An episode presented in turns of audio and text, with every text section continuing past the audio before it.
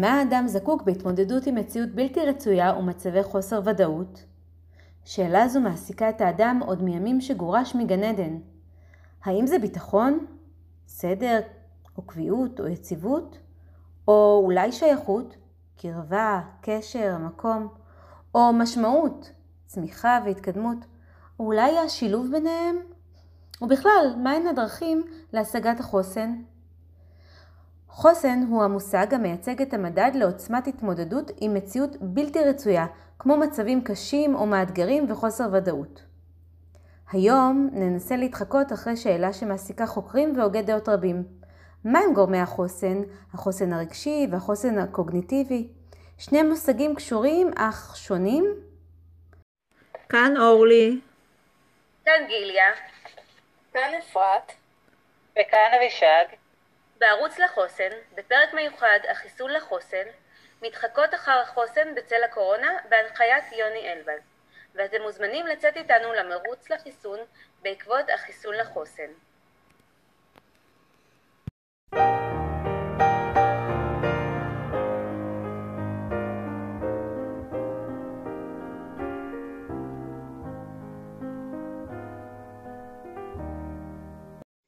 שני צפרדעים נפלו כל אחת לכד של שמנת. הדיכאונית אמרה, הכל אבוד! וטבעה. האופטימית קפצה וקפצה, עד שהשמנת הפכה לחמאה, והיא יצאה החוצה. חשיבה חיובית היא רק ערוץ אחד לחוסן. החשיבה החיובית ואופטימיות הם גורמי חוסן, חוסן קוגניטיבי ורגשי. מעבר לעוצמת הצפרדע שיצא החוצה מכד השמנת אשר הפגינה חוסן קוגניטיבי ורגשי, לחוסן פנים רבות וקיימות הרבה דרכים להשגתו. היום, כחלק מחיפוש חיסון לקורונה, ניפגש עם מגוון ערוצים לחיסון החוסן וננסה ליצור גשר מאחד. נמצאים איתנו היום מספר מומחים לנושא.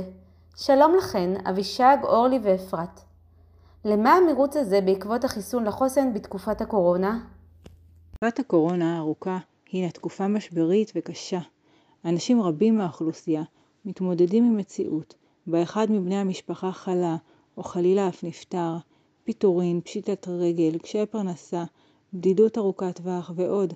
מצבים אלו יוצרים בדידות חברתית, שעמום, דכדוך, עצבות, תחושת חוסר ודאות והיעדר ביטחון ושליטה של האדם בחייו. זה לא רק עניין של איבוד של שליטה על החיים וחוסר ודאות.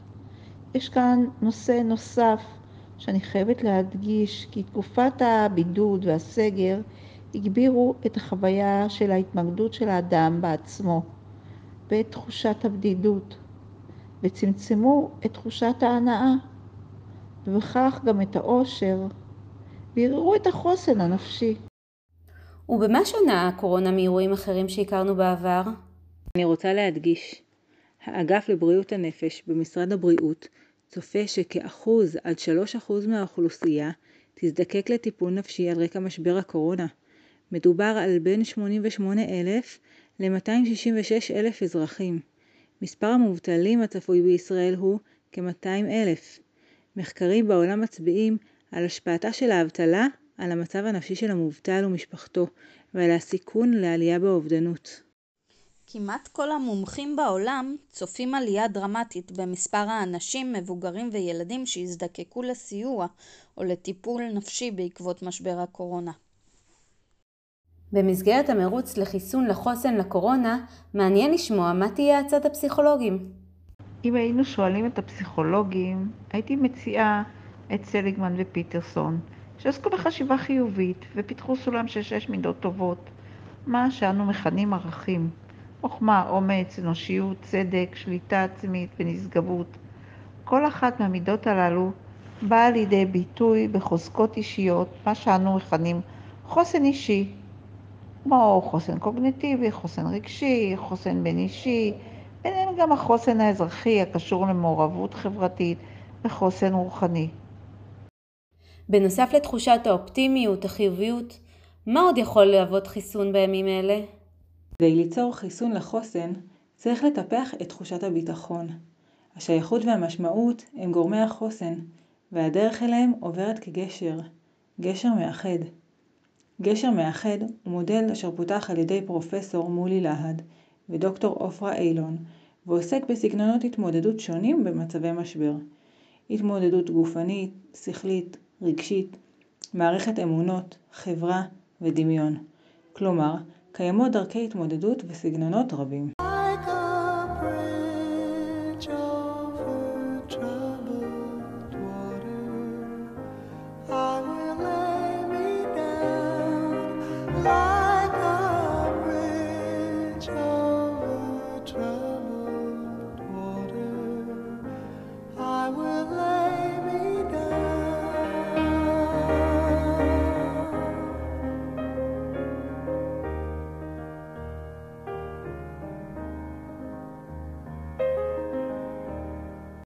בזמן משבר, הגוף מגיב באופן שלילי.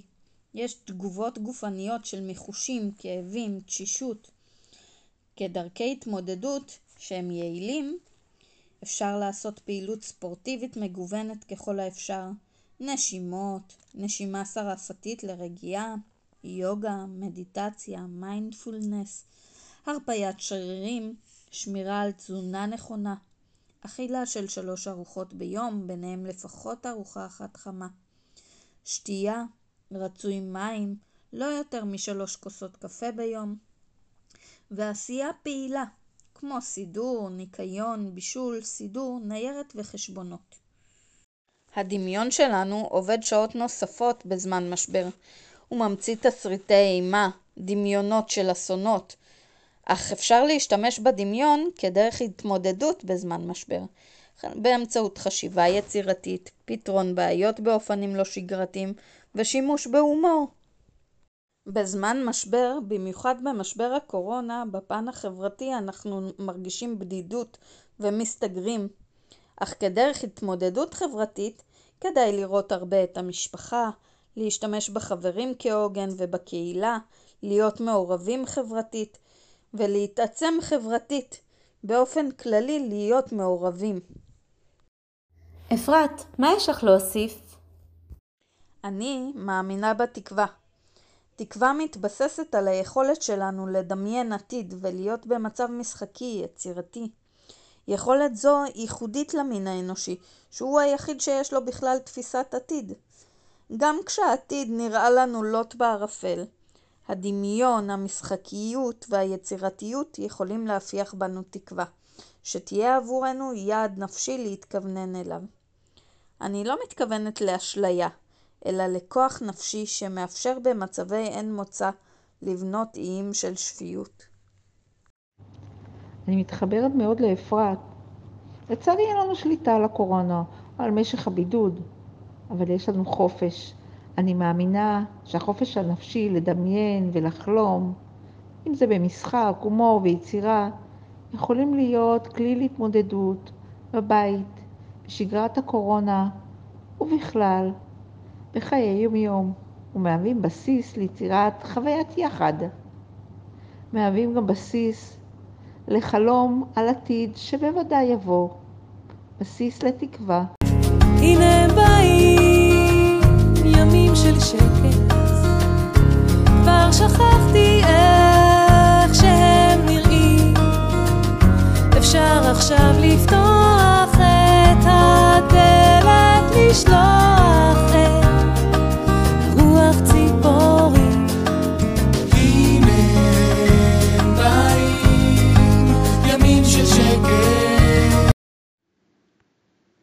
אני רוצה להציע כחיסון את האומנות. מטבע בריאתה, האומנות מהווה כלי לביטוי מצוקות ועידונן, למבע שמאפשר הסתכלות והתבוננות על מה שחווייתי, בו זמנית, מבחוץ ומבפנים. היכולת להרחיב זאת לחוויה קבוצתית מאפשרת קיום דיאלוג, שהוא מעבר למה קורה לנו וכמה רע לנו ומה מדאיג אותנו.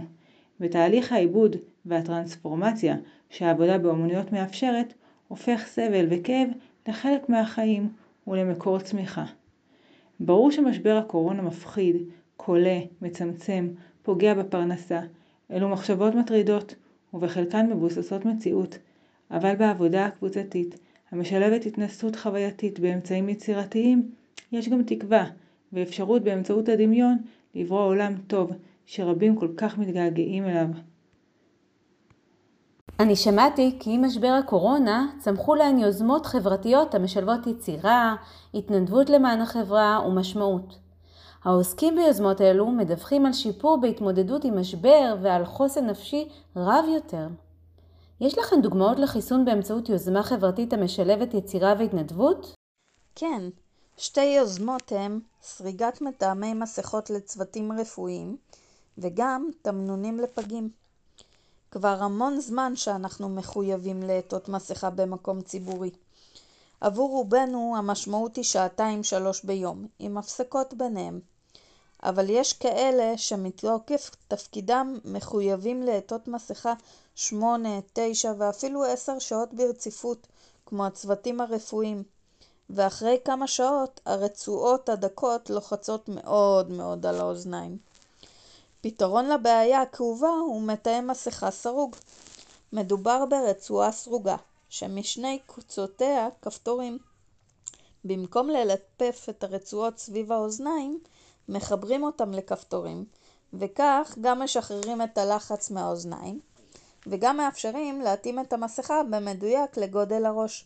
בקיצור, זה יוצר חוויית משתמש שונה לגמרי. בנימה זאת ברצוני להודות לכן אבישג, אפרת, גיליה ואורלי, ולסכם עם כתביו של ויקטור פרנקל, המדבר על גורם מאוד משמעותי לשיפור החוסן בספרו "האדם מחפש משמעות", והוא חיים בעלי משמעות הם תוצר של עבודה, יצירה, פעולה וולנטרית, אמונה ועוד. ניטשה אמר, מי שיש לו איזה למה למענו יחיה, יוכל לשאת כמעט כל איך.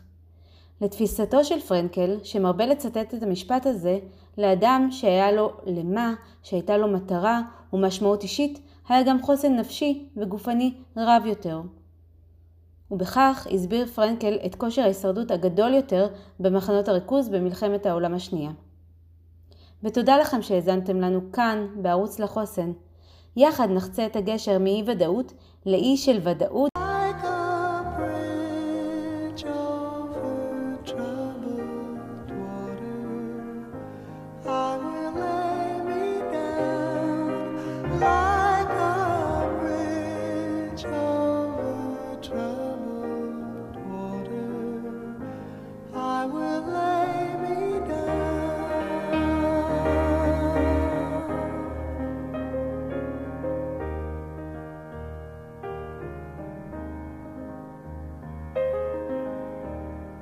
אתם מוזמנים להקשיב לנו פה בערוץ לחוסן. כאן צוות ערוץ לחוסן בשידור מיוחד במסגרת הסכת ולמד בהנחיית יוני אלבז. נתראה במפגש הבא.